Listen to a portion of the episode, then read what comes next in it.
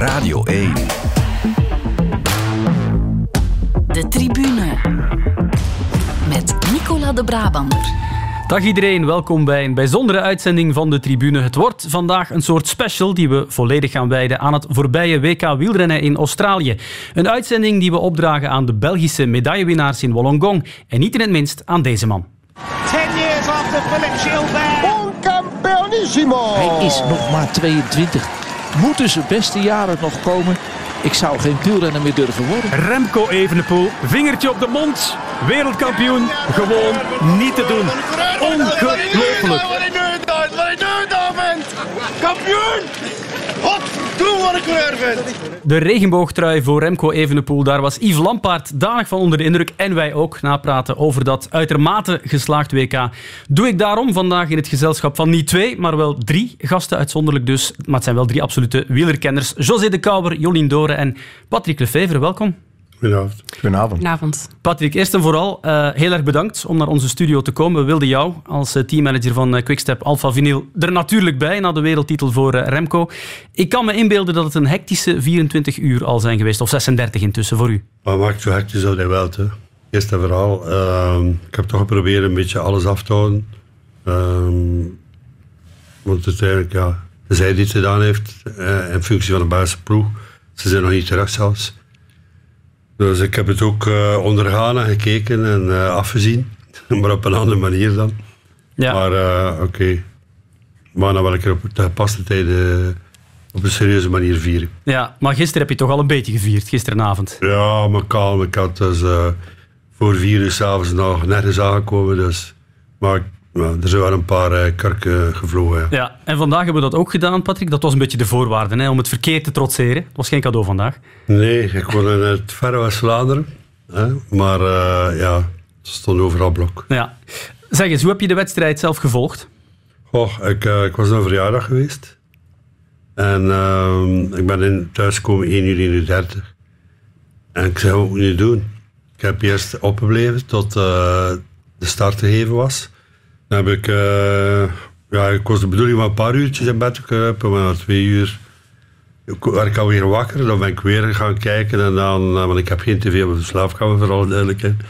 En dan zag ik die vlucht van serie. En dacht, ja, dat is goed. Maar wel, zeven minuten op een bepaald moment. Dan ben ik weer gaan slapen. En dan eigenlijk van, ja, vijf uur denk ik, of zo, ik weet het niet meer. Ben ik constant gaan kijken. Ja, met de nodige zenuwen erbij. Ja, ik liep, ik weet niet hoe het komt. Eh, Ik vertelde net dat Jolien meer toe kwamen. Ik ben nooit nerveus. Maar soms heb ik zo wel een, een gevoel van, ja, dat erin zit om te winnen. Maar soms heb ik zo ook een gevoel voor de koers. Dat wordt hier niks vandaag. Maar nu liep ik al twee dagen ambetant eigenlijk. Ja. En eh, ja. Heeft je omgeving dat ook eh, ondervonden? Je had een voorgevoel, een goed voorgevoel. Ja, ja, goed voor, ja, goed voor gevoel, maar ik, ik ben iemand die eh, mijn omgeving lastig valt eh, met mijn problemen, dus eh, nee, dat niet. In het verleden waren er Bonen, Bettini, Kwiatkowski. Eh, ze hebben allemaal die wereldtitel aan jou geschonken, die regenboogtrui. Waar plaats je deze van Remco Evenepoel? Ja, het is een van de zeven op de weg. Ehm, ja, ik zou er andere eer aan doen eh, als ik het natuurlijk ook niet leuk vond. eh, de dubbel van, van Julian, want de mensen kunnen niet la- lang aan het houden natuurlijk. Maar het is wel heel speciaal, hè. Mijn ventje al 17 jaar eigenlijk bij, bij de ploeg al gehaald. En ja, hem persoonlijk proberen te begeleiden. En dan zeker naar wat er gebeurd was in Lombardije. eh, van heel dicht meemaakt eigenlijk, hè. Ja, en dan dit.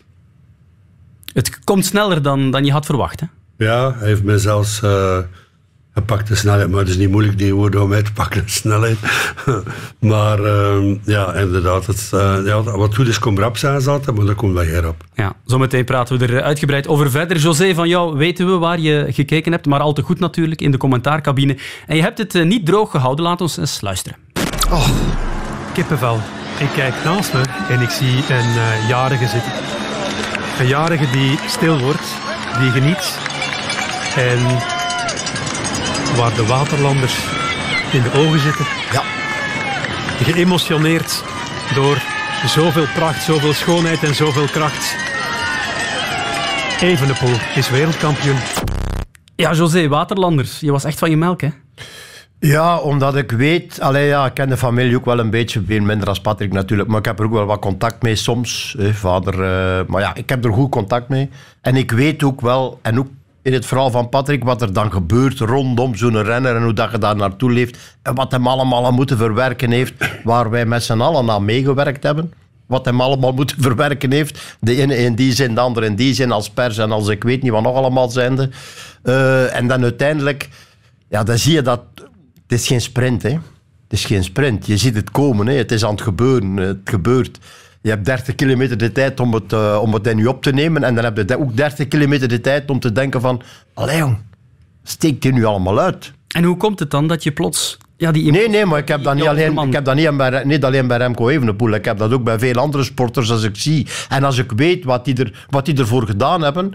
Als ik... Uh, Jolien Doren zit hier langs mij. Ja. Als ik weet wat hij ervoor gedaan heeft voor die Olympische medaille te, te behalen. En als ik dan weet wat daar dat doet eigenlijk, wat een soort beloning dat is, dan, dan leef ik daarmee mee. Dan, dan gaat dat door, bij mij door merg en been, ook al ben ik dan, eh, ik weet niet hoe oud, maar dat zal Ja. nooit weggaan. En dat is juist, ja, omdat je weet wat er, ja, wat er allemaal om te doen is. Ik, ik heb gisteren gezegd nog, in, nadien in de nabeschouwing, straks gaan we het nog normaal vinden ook. Ik heb gisteren nog een sms'je gehad met Tom Steels die mij proficiat mensen en nog een paar keer over en weer sms van. Je was jarig gisteren. Ja, dit is, dit is wel niet normaal wat we gezien hebben. Hè. Maar we gaan het op den duur normaal vinden omdat Remco is. Maar het is niet normaal. Hè. Jolien, herken je dat, wat, eh, wat José zegt, die emotie, die, die ja, betrokkenheid, omdat jij weet welke inspanningen er moeten geleverd worden? Ja, zeker wel. Je hebt altijd een paar doelen dat je voorop stelt in een seizoen.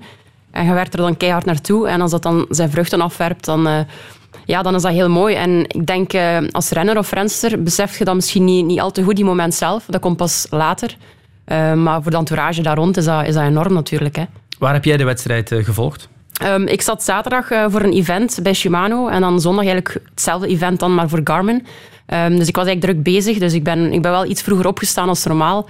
En dan, eh, en dan zo de koersen gevolgd op tv. Ja, welke superlatieven heb jij in de aanbieding als je de prestatie eh, zag? De laatste 30 kilometer heb je wel eh, live kunnen volgen. Ja, het was, het was gewoon fenomenaal. Hè. Het leek wel alsof dat Remco gewoon tegen amateurs aan het fietsen wa- was, maar het, waren eigenlijk, ja, het zijn allemaal geen pannenkoeken. Hè. Het zijn allemaal op- en top profs. Ehm, maar het leek zo makkelijk. Hè. Het, het, het zag er, het zag eruit alsof dat vanzelf ging. Ehm, en dat was het bijzondere, denk ik. Hè. Eh, hij laat alles makkelijk lijken, terwijl dat echt heel moeilijk is. En, eh, hij demareerde niet, maar hij, hij reed gewoon iedereen knal uit de wielen. Dus dat is echt eh, heel speciaal, zeker voor iemand van 22 jaar. Absoluut. Ja, de race, José, is al intens geanalyseerd door meerdere mensen. Maar wanneer wist jij exact, het is nu binnen, het, is, het, het, het gaat goed komen? Ja, ja, van als je weet dat hij die laatste ronde gaat en dat erachter ja, dat het in stukken, stukken en brokken ligt, van die mannen ging het niet meer komen. Het moest vanuit een georganiseerd iets komen, vanuit het peloton. Maar er zat ook al niet veel eh, lijn in. Er waren niet echt nog een ploeg die, die... Plus dat er dan nog een paar renders bij zitten en dat werkt toch allemaal mee. Een, uh, een Alaphilippe kan mij voorstellen dat hij niet gaat zeggen, man, we gaan vol, vol, vol ervoor. Dat zijn van die kleine dingen. Maar je zag ook weinig overtuiging, ook in veel andere landen. Dus het, enige dat je denkt, ik dan toch, het 30 kilometer van het einde, hij rijdt weg. En ik denk dan, maar alleen, maar kan dat nu? Maar dan denk je onmiddellijk, ja, ja, want we hebben het hem nog zien doen. Ik heb hem eh, zien wegrijden in San Sebastian. Gewoon metertje per metertje. Ik heb hem de eerste keer San Sebastian zien winnen. Dat was nog straffer.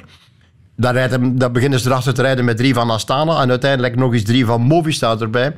En hij rijdt nog verder weg. Ik, ik, ik, ik heb er gisteren met Tom nog over gehad. Tom Steels, die zei, ja, maar die rijdt op vlakke 60 per uur. Hè. Ja, en hij reed gisteren weg. eh, eigenlijk een beetje afdaling zelfs. Ja. Hij rijdt weg. Het is... Het is en, en niemand, iedereen weet toch dat je Remco Evenepoel niet mag laten rijden. Dat is de vraag. Waarom hebben al die andere favorieten zich... Omdat laten hij, je, ziet dat? dat niet, je ziet dat niet, maar hij rijdt ze gewoon verrot. Het is niet te geloven. En een sluipmoordenaar, hè. hij worst ze gewoon. Dat is een worstlang. Ja? En iedereen denkt ook altijd, hij gaat te vroeg. Of het is net iets te vroeg in de koers. Maar het is eigenlijk altijd een goed moment voor hem. En eh, hij kan het gewoon 20 of 30 kilometer. Hoe Ja, vaak... Ik zag hem zo een beetje nerveus koersen. Oh. al 60 kilometer voor de aankomst. Ik zei, je gaat dat niet doen, hè.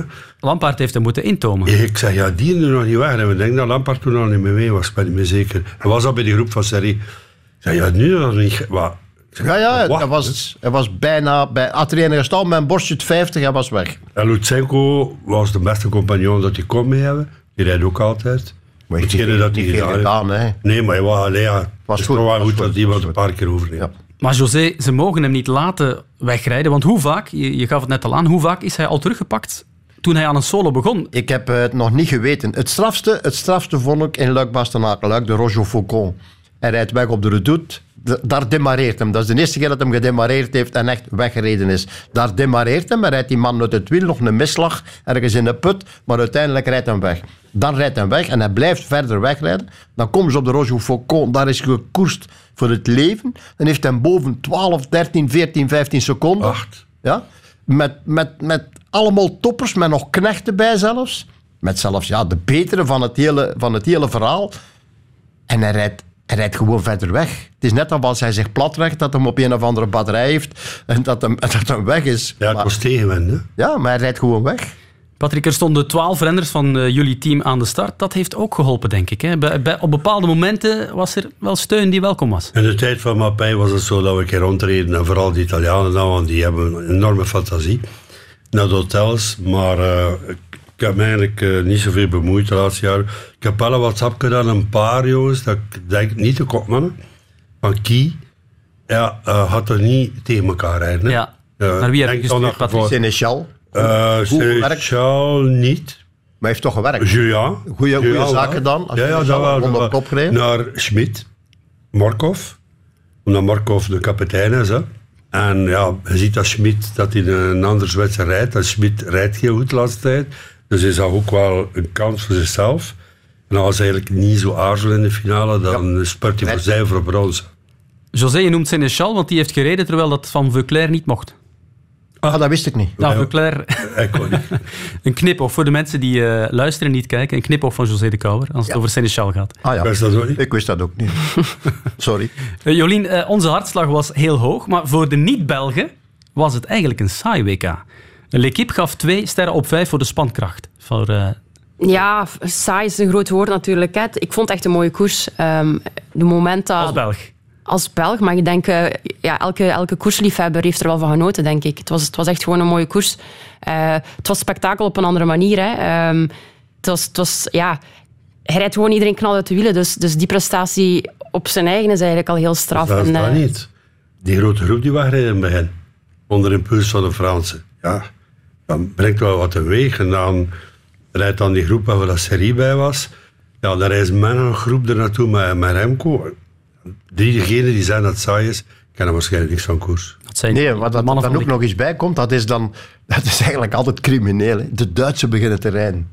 De Duitsers. En dan eh je kijkt naar Karel en Karel kijkt naar mij en zegt, ja, voor wie? Hè? Hannes Taon zit er dan langs ons en die begint te zoeken op internet. Te zoeken, te zoeken. Uiteindelijk vindt hij ergens iets heel klein. Torsten Smit. Dat zou dan de kopman geweest zijn in één keer. Nee, maar Oei. mensen zoeken soms te ver in 2000 Plouet. Ja. En Plouet 2000, de Polen rijden, rijden een gat toe die eigenlijk, als zij niet rijden, de koers was gedaan. Ja, waarom rijden die Polen? Wie heeft ze betaald? Dat was dat Michel, hè? Wie heeft ze betaald? Altijd spoken zien. Er was een zekere se- senior Sproeg die tweede was. Tuurlijk. Dus wij kunnen niet in, in de tactiek aan het hoofd krijgen, eh, kijken van andere naties. Als de Polen een gat toe rijden, zal het wel een reden hebben. Ja, Polen hebben datzelfde gedaan in eh eh, Pon- Ponferrada, Dat Kwiatkowski wint. waar uiteindelijk dingen wint. Hè. Nou ja, tuurlijk. Ja. Ja. Eh, Over tactiek gesproken, het was een eh, WK waarop eh, België de zaken eigenlijk voortdurend onder controle had. En dat België via Remco Evenepoel uiteindelijk het goud pakte, dat had echt wel veel te maken met die feilloze teamstrategie. Het is makkelijk gezegd achteraf natuurlijk, maar dit is, natuurlijk, dit is echt wel wat we gepland hadden. Dit was echt wel een scenario dat we voor ogen hadden met Remco. En ehm, ja, als het dan zo loopt en eh, zo, dat we het zo tot het einde kunnen af, brengen en afwerken, dat is, dat is fantastisch. Hoeveel deugd doet dit voor jou persoonlijk? Eh, vorig jaar hadden we ook een interview na het wereldkampioenschap. Toen was er het grote debacle. De Belgen konden niet met twee kopmannen rijden. Nu dit, hoeveel deugd doet dat voor jou persoonlijk? Uh, dat doet heel veel deugd. Uh, maar goed, ja, ik, ik heb elk kampioenschap met dezelfde intentie gewerkt. Met dezelfde groep proberen werken. Ook toch een bepaalde een aantal jongens echt wel proberen samenhouden om, om toch naar elk kampioenschap te kunnen toeleren. Um, dit, dit is een pluim naar heel de ploeg. Uh, zowel de jongens op de fiets als uh, de mensen in, uh, naast de fiets. Ik denk uh, dat iedereen hier mag van genieten deze avond. Of uh, zelfs een aantal dagen als het van mij afhangt. Een aantal dagen. Patrick, uh, Het kan dus wel met twee kopmannen starten, met Remco Evenepoel en Wout van Aert. Ik weet niet als eh, jullie mijn ploegen goed te kennen hebben. Ik heb niet anders gedaan in mijn leven. Ja, maar vorig jaar ging het eh, mis op het WK. Was er veel kritiek? Dat was eh, terecht, denk ik toen, ja. Ik wil liever niet meer over uh, verleden jaar spreken. Ja. Maar daar hebben ze echt eh, de kaart Remco verkeerd uitgespeeld. José, eh, jij schrok even hè, toen Wout van Aert versnelde in de achtergrond. Absoluut. Tuurlijk. Dat, lijkt mij toch, dat leek mij toch logisch niet. Ja, dat was, ik denk niet dat dat in het eh, plan stond. Eh, ik hoor Nardien wel zeggen, en daar, heeft, daar moet ik eh, wat gelijk in geven. Zonder oortjes, een gans jaar met oortjes koersen en in een wereldkampioenschap zonder. Ik vind dat eigenlijk, allee, ik vind hè. Dat is crimineel, hè? Ja. Prof, prof toppers. Ja, topsporters die niet mogen begeleid worden, die, die geld verdienen, die moeten iets verdedigen. En die kunnen niet op de hoogte gebracht worden van, ja, het gaat dat gebeuren of dat gebeuren. Of, of, of er is ja, een oliespoor zelf, zelfs eh, dat er iemand op een of andere manier in de wagen, ik weet niet wat, verliest. En ze komen de bocht om, ze liggen met 50 man tegen de grond. Dat is nu een ander Ja. scenario. En Wout van Aert die dan nadien komt zeggen, ja, eh, ik wist niet voor welke plaats we sprinten, maar sprinten is sprinten. Je wilt altijd die sprint winnen natuurlijk. We gaan eens luisteren naar de, de woorden van Wout van Aert na de aankomst. Zonder die oortjes, het is eigenlijk eh, een drama. Ja. Ik- Ik kom nu over de finish blijkbaar als vierde. Ik, ik zou niet kunnen zeggen dat ik aan het sprinten was voor de tiende, vijftiende of tweede plaats. eh. Dus eh, ja, dat is Onzin, onzin, op zo'n koers geen oortjes. inderdaad. Eh, ik zie net mijn ploegmaat eh, Laporte en eh, die zegt, oh, ik ben tweede. Ja, het is niet meer van deze tijd, maar eh, dat is een andere discussie. Maar het maakt wel jammer, want ik had, eh, ik had denk de benen om samen met Remco op podium te kruipen. Ja, Wout van Aert wint die spurt niet. Patrick, kan je dat geloven dat hij niet wist voor welke positie hij reed op dat moment? We moeten wel, hè. Maar ehm, dat zou wel. En dat vind ik ook altijd. Ik zeg altijd de mensen die de steenoortjes zijn, die het allemaal willen afschaffen. Ik ben werkgever van 80 mensen, waar dan er dan 30 eh, om gaat. En ik zit in mijn bureau boven en ik kijk door de venster en ik zie grote fouten. Maar ik mag niet naar beneden gaan tot 5 uur en dan pas zeggen van, ja, daar heb je fouten gemaakt. Die fouten kunnen mij heel veel geld kosten. Hoe, hoe, dwaas is dat? Ik kan er niet bij, ik kan er echt niet bij. Is, zijn er plannen bij de UCI om dat te veranderen voor de volgende wereldkampioenschappen? Wel, maar ik vind... eh, ik heb een afspraak met Peter van den Abelen om eens te gaan eten samen. Jij gaat het regelen. Nee, nee, nee. Ik ga het niet regelen, maar ik ga het zeker aankaarten. Dat er, ik vind dat er eens een debat moet komen met, met alles en iedereen. Met, met, met een heel pak mensen. Dat mogen er 50 zijn desnoods.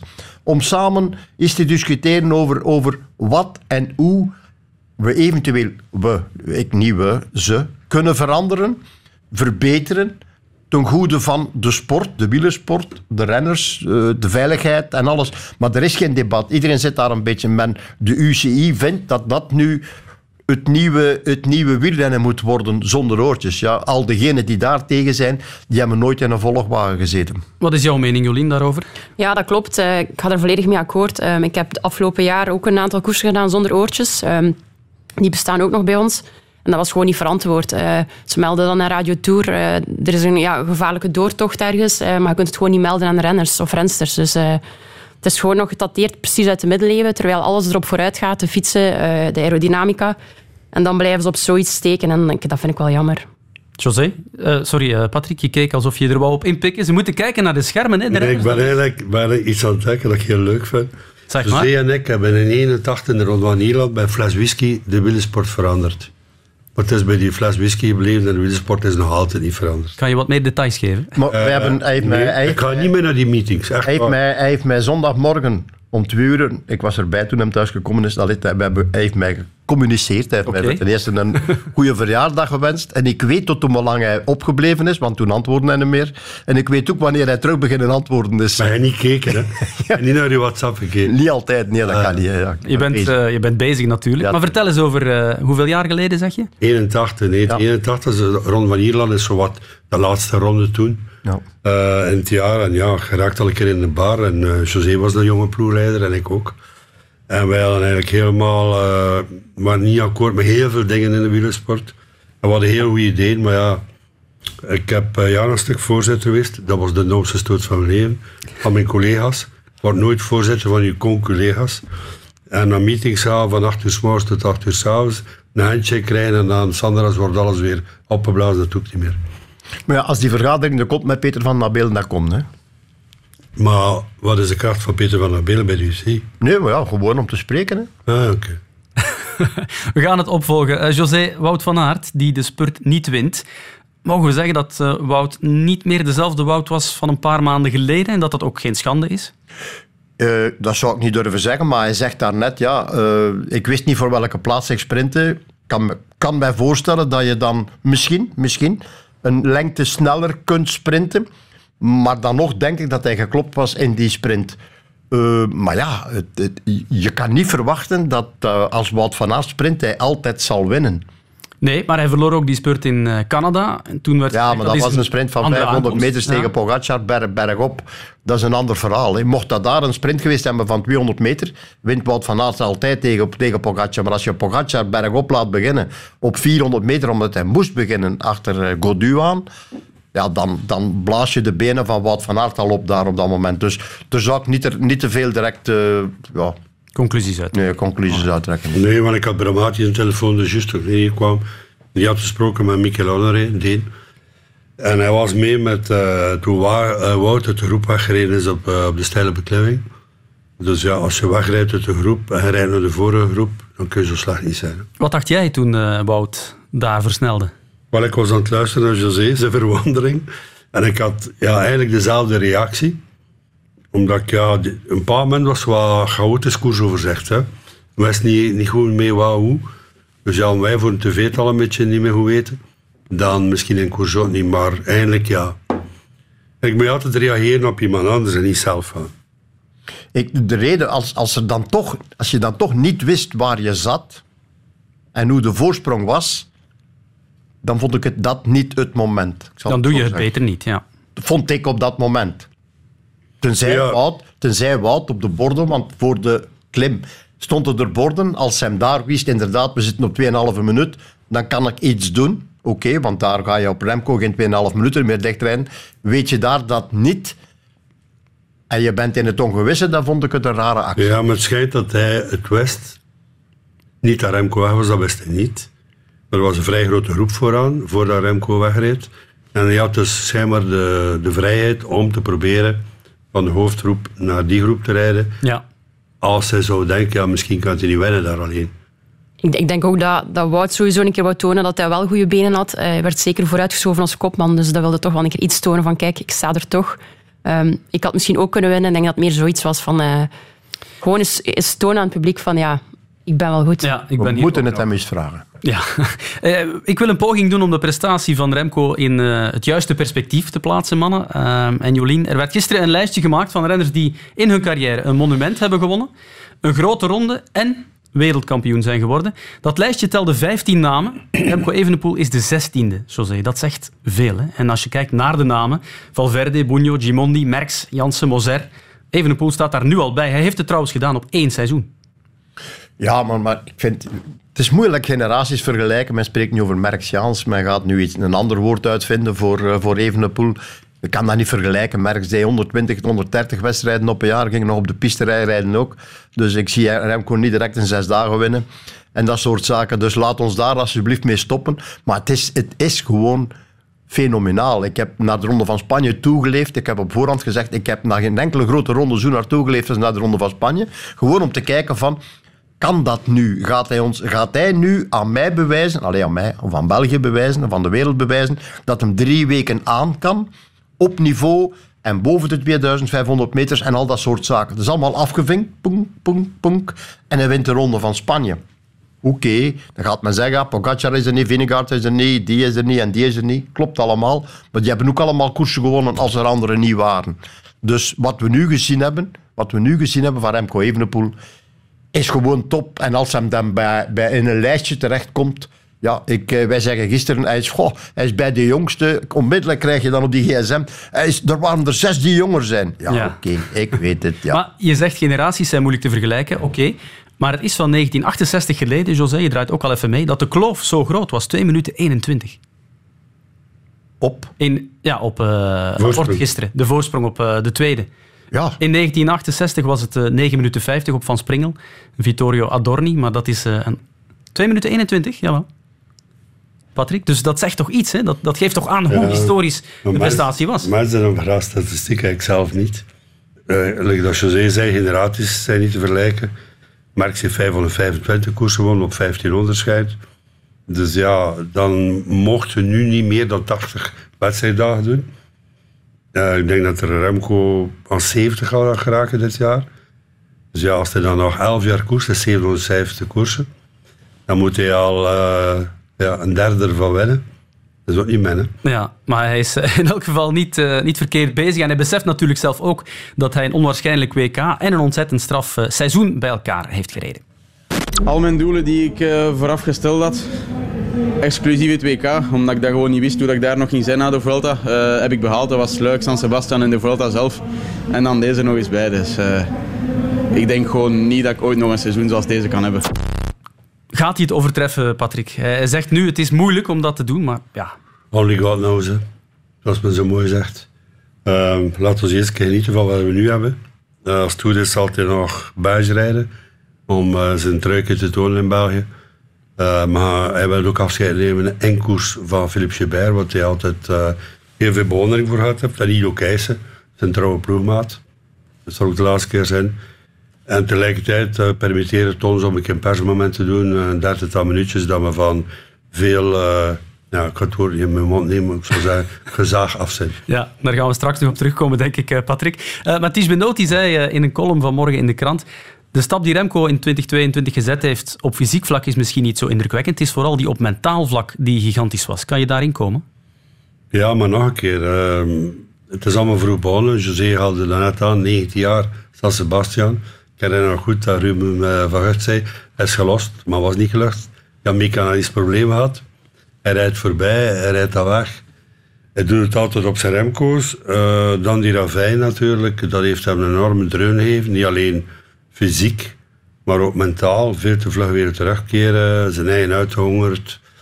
Dan uh, sloten kritiek over hem gehad uh, voor die ronde van Italië. Terwijl hij eens niet zo slecht was volgens mij.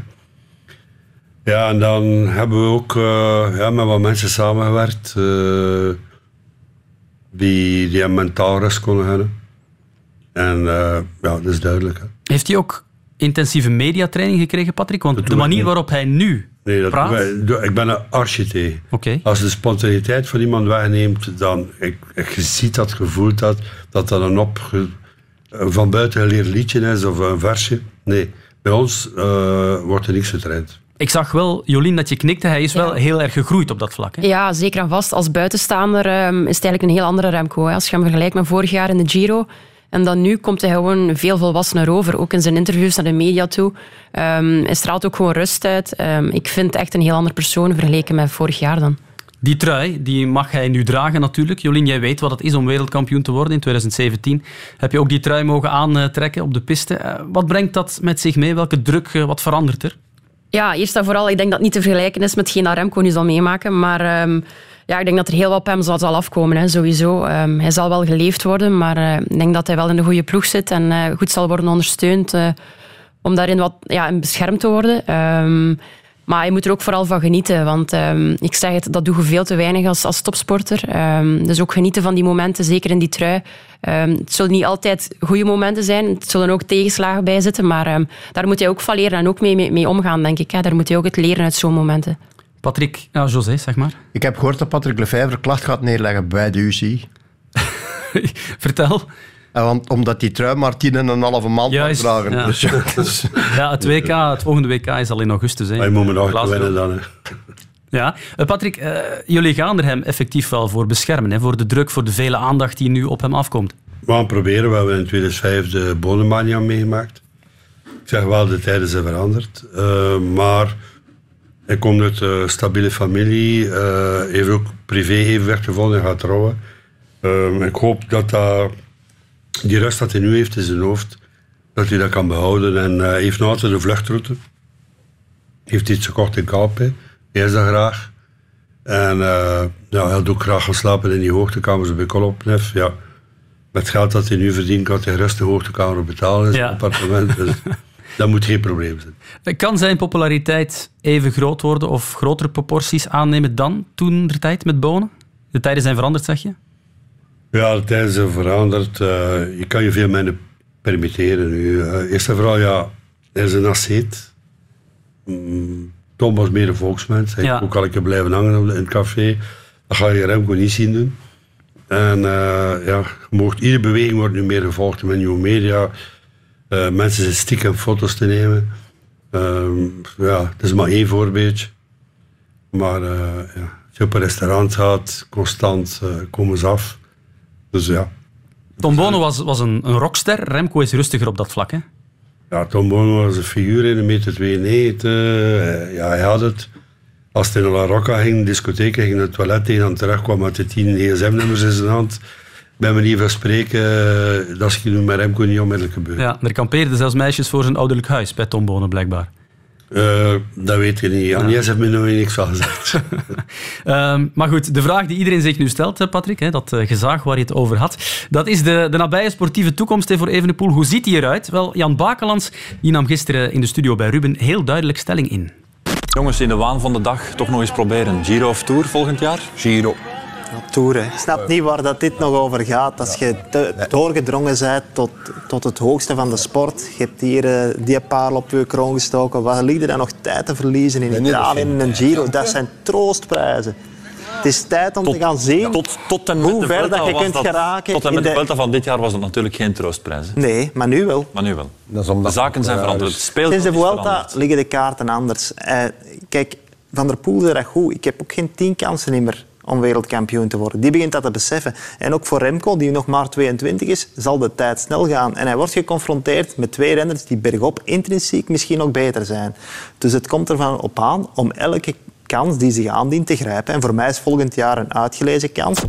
Ja, toen het woordje troostprijzen viel, eh, krabde je in de haren, eh, Patrick. Vertel eens, wat vind je ervan? Ik had me in mijn haren. Nee, maar Jan, is Jan, heeft, Jan heeft een uitsproken mening en dat mag. En ik denk dat dat juist goed is.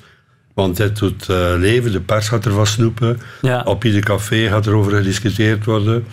Ehm, dus ik heb er eigenlijk geen probleem mee. Tom Bonen zei wel hetzelfde. En Tom Bonen is een man eh, naar wie je toch meestal wel luistert, waarvan je de mening naar waarde schat. Maar ik, ik luister naar iedere mening, maar we doen er dan nog mee wat we willen. Het WK volgend jaar valt eh, in augustus. Dat is kort na de Tour. Dit jaar heeft Remco ook succesvol de combinatie gemaakt Vuelta-WK. Verandert dat iets? Dit soort verhalen heb ik al 7000 keer gehoord. Je, het, eh, je moest de Ronde van Spanje gereden vroeger om wereldkampioen te worden. Ik denk niet dat Philippe de Ronde van Spanje gereden heeft. Twee keer wereldkampioen gereden. Hij heeft eh, de Tour gebruikt als zijn speeltuin om eh, de juiste conditie te krijgen. Remco is één, zoals Roger met eh, heel veel respect zei, zoveel opofferingen doet. Hij gaat op hoogtestage zonder zich af. Hij heeft alles voor over en dat zal niet veranderen met die aan. Integendeel, hij moet alleen maar zien dat hij niet overreageert. En dat is ook het gevaar natuurlijk van na zijn val ook. Te vlug willen weer komen nu, te goed willen we zijn. Bewijs van, ik ben die trui waard. Dat twijfelen we zelfs niet aan. We durven zelfs niet aan twijfelen, maar het is aan ons om te proberen in de ploeg, we hebben verstandige mensen, om dat allemaal in goede kanalen te leiden. Is het wachten tot de bekendmaking van het parcours van de Tour de France 27 oktober? Oh, ik denk dat niet. We moeten ook dat niet beslissen. Hè. Wij, kunnen, wij kunnen de winter door. Laten we eerst beslissen eh, na, na het trainingskamp. Wat gaat zijn eerste koers zijn? Nu bijna ze allemaal. Hè. Ze zijn allemaal laten bellen van Australië, eh, Argentinië. eh, iedereen wil hem nu. Ja, ja, de Giro heeft ook wel de gewoonte om flink te betalen hè, om de vedette binnen te halen. Is dat een factor? Wel, dat zal ik u een keer weten te vertellen als ik- als ik ermee gesproken heb. Ja. Even om 7 oktober, 8 oktober, 7 oktober, hebben ze een meeting in Milaan voor alle managers van de ploegen. Ze willen iets bekendmaken, ik denk al te weten wat, maar bon.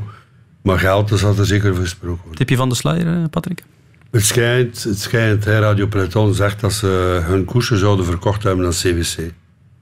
Oké, dat eh, geeft dan een financiële boost, neem ik Maar ik hoop het. Eh, een van de topmensen van CWC is in het trainen in Anderlecht met een paar miljoen. Ja, investeringsmaatschappij, hè? Ja, heeft, Internationaal. hij is van Kortrijk afkomstig. Een van de topmensen van CWC, dus eh, Ja. hij heeft mijn nummer.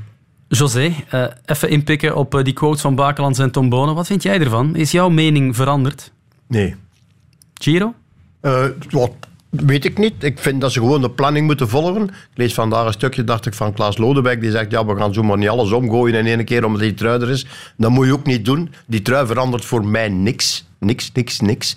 Eh, die Vuelta verandert voor mij ook eigenlijk niks. Dat is alleen een bevestiging dat je met vertrouwen naar zo'n grote ronde kan gaan. Nog meer dan anders eigenlijk. En, en zijn leeftijdsgebonden, wat dat Jan zegt, Bakelands, van ja, hij moet zich gaan haasten, want ja, je weet maar nooit. Ik zou, ik zou me helemaal niet haasten. Ik denk, ik denk om uh, een toerploeg te bouwen en om een toerploeg te maken en om de ondersteuning te vervolledigen, dat het op zich niet uh, onverstandig zal zijn om, uh, om nog een jaartje rustig, want het gaat allemaal heel snel en het zal niet zo snel blijven gaan. Je gaat niet zo blijven groeien. Dat bestaat niet natuurlijk. Ja, er zit ergens een rem op, dat is logisch. Dus denk ik voor de ploeg op zich, ik, ik als ploegleider, ex-ploegleider, denkende, met wat ik nu zie en de versterkingen die ze hebben, denk ik uh, Giro, een goed WK voorbereiden, daar wereldkampioen tijdrijden worden, wat uh, met de juiste voorbereiding, wat perfect moet kunnen. Dan uh, en daar komt er nog van alles mooi aan. Dus het is niet omdat je de Tour wint, dat je seizoen, dat je dan in één keer een andere renner bent. Hè. Ik vind de Tour... Je moet ook de Tour niet overschatten. Hè. Is Vinegaard, omdat hij nu de Tour gewonnen heeft, is hij nu in één keer een ja. betere renner dan Pogacar? Zeg jij niet meestal tegen Renaat Schotten, de Tour is iets compleet anders Tuurlijk, dan de Giro? maar de Tour is iets compleet anders. Maar is, is Vinegaard nu een betere renner dan Pogacar? Ik vind het niet. Ik zou liever Pogacar in, in, mijn team hebben dan, uh, dan. Dat is ook een fenomeen natuurlijk. Hè. Maar die discussie heeft uh, gedeeltelijk gelijk natuurlijk over de sterkte van de ploeg. Er is er veel over gezeverd geweest. Um, heb gezien, met vijf jongens hebben ze heel de 14 dagen gereden, boven een niveau. Uh, ik ben heel blij dat ik het, de mijn die onder Van Welder zat, met zijn vorige ploeg ontmijnd heb. We hebben een hele goede coureur bij een ploeg. Louis Vervaken ook boven zijn niveau gegroeid. Iedereen. En ze zeggen altijd, de ploeg is zo goed als de leider. Uh, we hebben nog betere coureurs dan we niet meegedaan hebben. De Cateneo, elfde in de Tour, kan tijdritten winnen, kan bergop. Hij gaat niet meegaan met, met de topklimmers, maar je kan veel langer meegaan op wat we nu gezien hebben van onze jongens. En natuurlijk, er komt ook veel meer verantwoordelijkheid bij kijken. Mm -hmm. Maar in de Tour is het ook zo dat ook veel meer ploegen een verantwoordelijkheid nemen. Dus daar ben ik niet bang van. Maar ik heb maar vijf renners die eindcontract waren. Ik heb niet kunnen doen wat ik wou. En uh, voor 24 heb ik betere kaarten in mijn handen dan in 23. En het zal alleen maar beter worden met deze resultaten, zakelijk, financieel dan? Uh, zakelijk verandert dat niks voor mij, voor hem wel natuurlijk. Er komen toch meerdere sponsors? Of, of, staat er geen clausule in jullie contract met Soudal dat WK-winst implicaties heeft? Zo, dan ben ik wel geweest om dat niet te doen, ja. Echt? Ja. Dat is hier niet van toepassing in België. Amerikaanse bedrijven, misschien Anglo-Saxische bedrijven doen dat wel. Die betalen zelfs de bonussen, versta ik. Maar bij ons is dat... Nou, eigenlijk sluit je contract af en dan moet het dan zijn. Oké, okay, goed. Conclusie, de knoop doorhakken is nog niet voor meteen? Dat is van mij af ook niet, nee. Goed, daarmee gaan we het uh, luikje Remco afronden. Radio 1. De tribune. En mijn gasten zijn José de Kouwer, Patrick Lefevre en Jolien Doren. En Jolien, genoeg over de mannen gepraat nu. Want laat ons niet vergeten dat we er ook bij de vrouwen heel dichtbij waren bij die wereldtitel. Opletten, nog een aanval van Van Vleuten. Nog een aanval van Van Vleuten. En laat de uitval van Annemiek van Vleuten. En wie gaat niemand, dat wegrijden? Niemand. Niemand reageert. Niemand reageert. Van Vleuten is dat, weg. Dat meen van je Vleuten niet. is weg. En ze gaat niet stilvallen. Kopecky die nu moet komen. Van Vleuten met de laatste snokken. Kopecky komt. Gaat ze nog aan het wiel van Van Vleuten komen of is Van Vleuten wereldkampioen? Van Vleuten of Kopecky? Het is Van Vleuten. Van Vleuten is wereldkampioen. Kopecky is tweede. Wat een unieke kans heb je laten liggen. Maar wat fantastisch van Annemiek van Vleuten. Wow, super. Ze is heel de mij te kijken, maar gaat u rijden? Ik heb verdomme heel lang begin op kop gereden. Proficiat, ga ik toch zeggen. Want je pakt de zilveren medaille, maar het is waar. Je verliest het goud. Ja, dat gevoel heb ik toch wel. Um, ik denk dat ik de laatste kilometer toch nog wel eens opnieuw wil zien. Dus ik denk dat ik hem vanavond nog, uh, toch nog een paar keer ga herbeleven, denk ik. Maar uh, ja, het is jammer. Ja, Jolien, Lotte werd de tweede en de ja, ontgoocheling was kolossale. Ja, ja, het was echt uh, ze was heel teleurgesteld. Uh, ik moet wel zeggen, het was ook het scenario dat, dat voor de meeste teleurstelling zorgde. Um, ik, denk, of ik hoop althans voor Lotte dat ze dat de komende weken kan, uh, kan ombuigen in, in, in, fierheid. Want het is toch wel een zilveren medaille. En ze wordt niet geklopt door, door de minste. Maar ja, het is natuurlijk wel heel zuur voor haar. Hè. Ja, je hebt heel vaak samen met uh, Lotte gereden. Heb je contact gehad met haar de voorbije dagen? Um, ik, ik, heb er contact mee gehad, maar ik heb ze nog niet gehoord na, na haar prestatie. Um, ik wou ze even laten doen, uh, even laten bezinken. Maar uh, ja, het is jammer, maar tegelijkertijd ook heel mooi. Hè? Ik bedoel, zilver voor ons land. We zetten weer al een stap vooruit in het vrouwenwielrennen. en tegen een Annemiek is alweer niks te doen. Dus ja, ja, ze was ontzettend sterk, want je geeft het aan. Het is eigenlijk het scenario waarbij zij het gat moest dichtrijden hè, om, om die spurt nog mogelijk te maken. Ja, dat klopt. Maar voor hetzelfde geld, als we nog eens teruggaan naar een paar dagen geleden, als Annemiek niet valt in de mixed relay en ze staat gezond, gezond aan de start, dan gaat ze misschien al aan de voet van Mount Kira. En dan is het enkel nog de vraag van ja, hoe groot is haar voorsprong op de top? Um, en, dan, en dan rijdt ze misschien weer een koers zoals in Glasgow, dat ze solo naar de finish rijdt. Dus dat was eigenlijk het scenario waar dat iedereen aan dacht, denk ik. Um, en dan ja, een ander scenario was dat Demi Vollering wel aan de start stond. Uh, die stond niet aan de start omdat ze positief testen op, op COVID. Um, en als Demi start, dan is die altijd mee met die vijf die voorop rijden. Dus dan zijn ze weg met zes. En dan blijven ze misschien wel weg. Dus um, ja, het is het, het het scenario geworden uh, dat, ja, dat een grote ontgoocheling is voor Lotte. Maar ja, wel een mooie prestatie, denk ik. José, hoe heb jij die laatste paar honderd meter beleefd? Oh ja, ik heb eigenlijk al beleefd twee ronden ervoor. He, toen ze twee keer met vijven wegrijden, Moelman die niet overneemt. En, want eigenlijk was ze, kon ze voor de zesde plaats rijden. Als de koers gereden wordt zoals ze moet gereden worden, zou moeten gereden worden. Maar ja, het gebeurt en ze krijgt die kans. Ze krijgt die kans, die ongelooflijke kans om uiteindelijk te winnen. Ik hoor dan nadien dat ze zegt, tegen de Schotten, ik had ze nog verwacht, ik wist dat dan een mik nog ging komen of dat dat er nog zat aan te komen. En daarom is het nog een grotere gemiste kans. Want stel dat ze ja, een tandje lichter zou rijden, zoals ze dat dan moet doen om te kunnen reageren, en je reageert dan, dan, ja, dan heb je kans om te winnen. Nadien zie je dan ook dat je de sprint wint met twee lengte voor. Dat je daar ook al niet van Persico moet schrik hebben. Ja, ja dat is, maar dat zijn allemaal vragen nadien. Had ze moeten reageren? Ja. Uh, was de situatie daar in één keer dat ze kans had om te winnen? Dat was op zich al, al een uniek, want, want eigenlijk was de koets verloren tot twee keer toe. Ja. Dus ja, het zijn samenloop van omstandigheden, maar ik moet Jolien echt bijtreden dat ze moet heel blij zijn met die tweede, tweede plaats. Ik moet ook wel zeggen, de move van Annemiek is, was echt perfect. Hè? Perfect getimed. De, de perfecte snelheid. Um, als je dat nog kunt in zo'n wedstrijd, um, nog zo'n move, de laatste 600 meter, dan ja, dat is ook typisch Annemiek. Hè? Dat is gewoon echt een killer. Um, er is ook maar één iemand die dat kan. En dan moest Lotte ja, ook direct reageren, gewoon direct op het wiel springen. Maar het was dan een heel zware koers en iedereen zat al redelijk op de limiet, denk ik. Um, en als je dan ja, een fractie van een seconde twijfelt, dan, dan is het gewoon voorbij. Um, dus ja, ik denk dat Lotte gewoon echt trots mag zijn op die medaille. En zeker op, op het seizoen dat ze al gereden heeft. Het is, gewoon een bekroning op haar, uh, op haar mooi seizoen. Ja. Patrick, ben je zo uh, wielerfreak uh, omdat je ook die vrouwenwedstrijden allemaal meepikt? Ja, ongelooflijk maar waar. Ik heb dus... Ik neem al, iedere koers op bij ons. Hè? Iedere, okay. iedere koers. En ik bekijk hem ook. Natuurlijk staat een speed op je, op je afstand. Maal twee? Ja, soms maal zes. Ja. Uh, maar ik had dus de juniorkoers opgenomen en dan uh, ben ik opgestaan, ook om vijf uur. Heb ik eerst de juniors bekeken onder snelheid. Omdat er een paar meisjes van uh, onze ploeg, zal maar zeggen, ja. meededen. En dan heb ik de dames, profs, de laatste 40, 50 kilometer gezien. Ja. ja, die vijf toppers die wegrijden, Patrick, tot twee keer toe hoe verklaar je dat? Dat die eigenlijk duidelijk sterker zijn dan de rest, maar dan toch niet overeenkomen?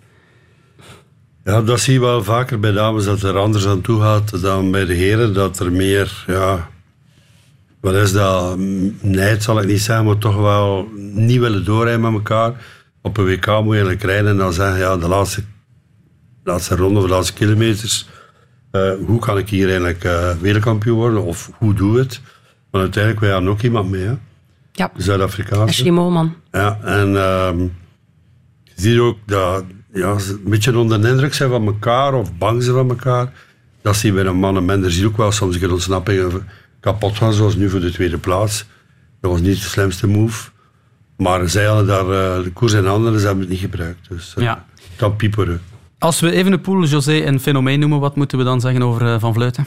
Ga ja, ze gaan stoppen volgend jaar, of ja, jaar nadien. Ik zou er toch aanraden om nog verder te rijden. Er is nu een beetje geld te verdienen in, de, in, de vrouw, in het vrouwen- en de vrouwenwielrennerij. Dus uh, zeker doordoen. Hè. Ja, kan natuurlijk, moet daar beslissing zijn als ze wil stoppen, maar het is een Ja, het is apart. Hè. Ze, ze, ze traint op een ongelooflijk hoog niveau. Je moet het ook aankunnen natuurlijk. Je moet het ook aankunnen. Je moet die pijn kunnen, die pijngrens willen verleggen. En dat doet ze. Ja, ze zet wel een standaard waardoor eh, de rest mee moet. Hè. Er is niks aan te doen. Je moet er maar mee. Met gebroken elleboog. Ehm, een paar kritische bedenkingen misschien, Jolien. Was de vrouwenrace voor jou te lang? 164 kilometer. Ik zag een tweet Nou- van, van sportjournalist eh, Anne Braakman. Die zei, ja, stop met kilometers toe te voegen aan de, de vrouwenrace. Nou, ik denk niet dat het een kwestie is van te lang of te kort. Ehm, ik denk dat de vrouwen wel al bewezen hebben dat ze lange koersen aankunnen. Of dat dan nu 164 is of 180, dat kunnen ze sowieso. Ik denk dat er niemand daar nog over twijfelt. Maar het is wel zo, als het een iets kortere koers is, dat het iets attractiever is dan dan ze gewoon, denk vroeger, de finale openbreken. Nu is het pas opengebroken in de voorlaatste ronde eh, door, door Nivia Doma, die demareerde op de klim. Eh, maar misschien is dat dan een ronde daarvoor. Of, of, ja. Maar dat zou niks aan, aan, aan het koersverloop veranderen. Eh, het zou nog altijd hetzelfde zijn. Het zou nog altijd die vijf zijn die wegrijden. Ehm, dus ja, of dat, dat dan veel verandert aan de koers, dat denk ik niet. Maar ik denk dat alle mensen zeer korte geheugen hebben. Hè. Zijn alle wereldkampioenschappen in C niet saai? Bij de meeste wereldkampioenschappen gebeuren de laatste 20, 30 kilometer, de laatste ronde. Behalve dat is dan- een heel ander gegeven dan een gewone koers. Maar doe bij die vrouwen, pakt 20 kilometer minder, beginnen ze nog maar te koersen op twee ronden van het einde. Zo. Dus het verandert niks. Het verandert niks van heel de zaak. Het enige dat je kan hebben, dat is dat er inderdaad bij sommigen net dat tikkeltje meer vermoeienis is en dat de, het verschil tussen goed en minder goed, dat dat dan groter wordt na een langere wedstrijd. Maar anders... Ik denk niet dat de factor de afstand, eh, de afstand bepaalt zodat de koers harder of, of wordt gemaakt. Maar ik denk dat het eerder Annemiek is die alles bepaalt. Ja. Jo- Jolien, een tweede puntje, dat is wel belangrijk, denk ik. Ehm, de belofte die hun wedstrijd samenrijden met de profs geïntegreerd. Wat vind je daarvan? Ja, ik vind dat echt ook een heel stomme regel van UC. Dus dat moet je zeker ook eens zeggen aan, aan Peter. eh, maar ik zal José. het niet uitnodigen. Ja, dat is goed, dat is goed. Er zijn er maar drie. Allemaal Ja. samen, ja. Ja, dat is, het is gewoon een koers binnen een koers. Hè. En, en voor die U23-rensters, ze zeggen zelf van we rijden volledig in dienst van onze kopvrouw. Is dat dan van een Annemiek of van iemand anders? En die titel van U23 die komt er gewoon bij. Dus er is niemand die er echt specifiek voor rijdt. Dus dat is een beetje het jammeren. Hè. Ehm, ze zouden er beter gewoon een aparte wedstrijd van maken. Ehm, dat we dan een mooie koers krijgen. Maar nu is het een beetje koers binnen een koers. Sommigen gaan er wel voor, sommigen gaan er niet voor. En dan, dat is het jammer van de zaak. Ja. Dat is een beetje sneu, hè, want UC pusht ons, in mijn geval dan, de wereldtourploeg om een damesteam op te zetten. Dat doe je dan ook. Ja. En dan ja, zijn er maar 14 licenties, terwijl er bij ons 18 zijn. Er komt er eentje bij 15, zegt er van eens keer 18. Eh, er zijn soms van die, van die limiten, ook de wildcards en de klassiekers. We hebben 25 ploegen, jullie hebben er eh, drie of vier minder, denk ik. Ja, iedereen de gelijkheid, de gelijkheid. Maar waar is de gelijkheid soms in het wielrennen? Dus die stap gewoon sneller zetten en, en de aparte categorieën Ja, ze eh, hebben een minimumsalaris, dat vind ik ook wel terecht. Want ik heb geluk gehad om een keer op een vrijgezellenfeest te zitten met Jolien dan iemand. En ik heb eigenlijk met open mond zitten te luisteren tijdens de barbecue. Ja, hoe weinig bepaalde dames betaald worden. Ja. En eh, wij hebben gezegd, we hebben samen een ploeg opgezet met Jolien, dat wij daar absoluut niet wouden aan meedoen. eh, dat we ze deftig willen betalen of dat we het niet doen. Maar anders krijg je nog meer kritiek van eh, mijn verspreking dat ik gehad heb, dat ik door CMW niet was. Dus ehm, we willen deftig doen en ik denk dat ze kan getuigen dat we dat ook doen. En ook de enige ploeg bijna is in de wereld die met een piramide werkt van juniors, min 17, min, min 23 en dan wel de ploeg graag zouden worden. Maar we moeten vandaag eigenlijk afwachten. Als ik kijk, we staan nu 17 of zo. Maar met de aankopen die we gedaan hebben, staan we volgend jaar achtste. Hoe kunnen we dat zijn in een ploeg die achtste gaat worden? En je hebt geen wildcard. Ja. Er zijn dus nog werkpunten, maar je vermeldt de junioren en eh, daar moeten we het ook even over hebben. Hè, want ook daar haalde ons land eremetaal met dank aan dit 17-jarige talent. Ik had wel stiekem top 5 gehoopt. Ook stiekem had ik gedacht op podium. Maar ja, je weet dat nooit. Alles moet echt aan je zijde liggen en zo. En, maar ik had wel echt een goede dag vandaag. Dus op TK kwam het iets sneller binnen. Maar eh, ja, ik ben echt super gelukkig om dit te doen. Ja, ook VB Joris maakte de overstap naar eh, AG Insurance eh, Next Gen. Jullie eh, team, het is ook een straffe madame, Jolien. Ja, echt geweldig vanaf Febe doet. Ik ken ze al een paar jaar. Ze is altijd naar de topsportschool gegaan. Het is iemand die er heel hard voor leeft, eigenlijk op haar leeftijd al. Ehm, en wat ze voor die tijdrit doet, daar, daar ben ik echt van verschoten. Ehm, ik heb met haar gewerkt naar het BK-tijdrijden in Gaveren. En eh, ze sturen mij weken of zelfs maanden ervoor al van eh, gaan we nog eens verkennen, gaan we nog eens verkennen. Dus, eh, en constant de goede lijnen zoeken, elke bocht nog een paar keer opnieuw doen. En ik dacht van, ja, dat, dat heb ik zelf nooit gedaan. Ik was nu geen tijdrijder, maar goed. Ehm, Maniacaal bezig. ja, echt maniacaal ermee bezig. Ook met haar, haar tijdritpositie, met haar fiets, haar materiaal. Ehm, dus ja, en dan is het mooi dat ze vruchten afwerpt. Hè. Zeker op een WK, ehm, een bronzen medaille. Zeker ook tegen een Zoe Bakstedt dat dat erbij rijdt. Dus ehm, chapeau. En geschiedenis geschreven. Hè? Eerste medaille voor een vrouw op het WK tijdrijden. Dat is een, een mijlpaal voor het Belgische vrouwenwielrennen. Ja, in ons land in het verleden, ook bij de mannen, hadden we niet echt een tijdritcultuur. Maar dat is de laatste jaren gelukkig wel veranderd met een Victor Kampenaerts en een Yves Lampaard. Ehm, en hopelijk komt dat nu ook bij de vrouwen een stilletjes aan op gang. Hè. We hebben een Lotte Kopecky, maar dat is geen pure tijdrijdster. Ze was nu wel negen op het WK. Maar ehm, ik hoop nu de komende jaren dat dat kan doorzetten. Het zal wel nog een paar jaar duren tegen dat ze echt kan presteren, ook bij de elite-categorie.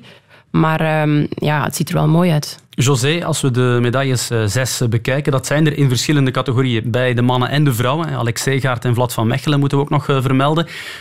We hadden het hier over een piramide, Patrick zei dat. Eh, ja, het Belgische wielrennen lijkt ook over een mooie piramide te beschikken op dit moment. Die resultaten indachtig. Ja, absoluut. Ja. Dat, is al, een tijdje aan de gang eigenlijk. We hebben een hele goede belofte, we hebben ook hele goede junioren. En ja, nu met uh, Febioris en met nog ja, wat uh, Lotte ook, of wat Kopecky ook doet, ja, dat mogen we toch zeker niet vergeten. Een collega hier weet perfect hoe moeilijk het is om in het vrouwenwielrennen te scoren. En als je dan gezien hebt wat zij in de Strade Bianchi gedaan heeft met Van Vleuten, met ja. Van Vleuten. Er is maar één iemand, denk ik, die dit jaar Van Vleuten op een waardige wijze geklopt heeft. Ze zal al dikwijls verloren hebben dit jaar, maar echt koers in de koers. En dan winnen, ja, dat was fenomenaal, fenomenaal. En wat Febioris kan ik alleen maar zeggen, je gaat heel sterk uit de hoek mo moeten komen, want die is mondig. Dat wil je niet weten. Hè. Ik heb ja. hier een discussie mee gehad op de VRT over gelijkheid van vrouwensporten. Ik zat in een panel. Okay. En die ging er direct tegenaan. En ik dacht, wie is dat? En dat ja. maar 17. Echt, ja. Ik, ik, ik vernam ook in de, media, in de media dat ze niet durfde spreken tegen Remco. En daar verschoot ik wel van, want oh. uh, ze praat echt tegen iedereen. En, uh, en ja, ze kan wel haar, uh, haar manneke staan, om het zo te zeggen. Ja. Ze combineert dit ook met studies, dacht ik. Hè? Ja, ik denk dat ze nu begonnen is aan de hogeschool uh, met studies. Um, dus ja, we gaan zien hoe dat, dat loopt. Patrick, ja, dat is goed nieuws, hè? Ook, voor, ook voor jouw ploeg, hè? Dat, dat het vrouwenwielrennen meer en meer aandacht uh, krijgt. Ja, natuurlijk. Um, het zit eraan te komen en het, het kan nog beter, hè, maar het heeft de burger moed. Uh, ik denk, we waren vier, de twintig eerste bij de seniors. Ja. Dus uh, hey, meisjes die aarzelen, dat is een welke sport dan ook. Um, ja, de tijd dat het vrouwenwielrennen niet gemaakt was uh, voor een vrouw, zeg maar, of het wielrennen uh, toekoer, is voorbij. Ja. Um, als je, ik rijd niet zoveel met de fiets, maar als je rondrijdt, zie je nog altijd dat er meer en meer vrouwen fietsen. En uh, kunnen alleen maar uh, aanmoedigen. Hè. José, merk je dat ook? Ja, ja absoluut. Ja, ja, ja, ja, ja. Ik heb heel lang fietsvakanties gedaan. Dus ik weet perfect en hoe, hoe, gretig, hoe gretig en hoe fanatiek ze er tegenaan gaan. Ik vind dat geweldig. En voor jou, Jolien, is het ook alleen maar goed nieuws. Hè? Dat maakt het allemaal nog uitdagender, jouw job. Ja, tuurlijk. Um, het probleem was nog een beetje het probleem. Um, dat eigenlijk de kloof tussen die echte toppers en die, die goede ploegen en, en de middenmoot, zal ik maar zeggen, dat die nog iets te groot was. Maar dat verandert stilletjes aan. Hè. En die kloof wordt altijd kleiner en kleiner. En uh, ik hoop dat de vijver nog groter wordt. En dan, uh, en dan kunnen we echt plezier gaan hebben. Ja, je gaat boeiende tijden uh, tegemoet. helaas zit onze tijd voor vandaag er al op. Hè. we zijn een paar minuutjes voor acht. Dus ik moet jullie al de traditionele vraag stellen. Waar kijken jullie nog naar uit deze week? Jolien, jij? Um, ik geef deze week commentaar voor de Ronde van Kroatië voor de mannen. Dus uh, ook iets nieuws voor mij. Een nieuwe challenge ook daar. Ja. Oké. Okay. Uh, José, stil aan de focus verleggen naar de cross of nog te vroeg? Uh, ik, ik kijk, kijk, naar de cross, ja, uiteraard. Alleen zie ik, ik heb gisteren naar de cross gekeken, dat er heel weinig, heel weinig publiek is. Ja, dat is voor een volgende aflevering van de tribune, denk ik. En Patrick, jij zondag naar de huldiging in Dilbeek en op de Grote Markt als voor Remco? Ik, als ik gevraagd ben, ja. Dat, dat zal er dan, niet aan mankeren, denk ik. Dan zie ik hem waarschijnlijk voor de eerste keer live, want ik heb geen zin om morgen avond aan terrein als ze toekomen. Je zal daar niet alleen zijn anders. Goed, dankjewel Jolien, José en Patrick. Heel erg bedankt voor jullie komst. We gaan de glazen hier nog eens vol doen en volgende week een nieuwe aflevering van de Tribune. Graag tot dan.